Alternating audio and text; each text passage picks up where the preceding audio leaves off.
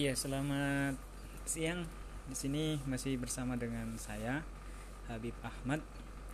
E, mau sharing-sharing sedikit tentang CPNS. Jadi sejak 2017 itu rasanya e, ada reformasi birokrasi yang luar biasa di bawah e, punggawah Kemenpan RB karena di 2017 itu adalah awal di mana dilaksanakannya seleksi rekrutmen calon ASN yakni pegawai negeri sipil di seluruh Indonesia yang sistemnya sudah sangat apik, sudah terbuka, transparan dan bebas biaya.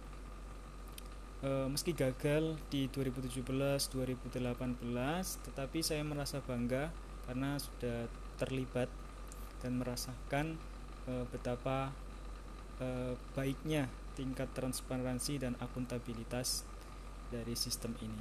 Dan alhamdulillah di 2019 kemarin uh, rezeki dari Allah saya ditakdirkan untuk lulus dan per 1 Februari 2021 kemarin saya sudah uh, bertugas di Dinas Pemberdayaan Masyarakat dan Desa Provinsi Jawa Timur dan saat ini sedang mengikuti kegiatan Latsar.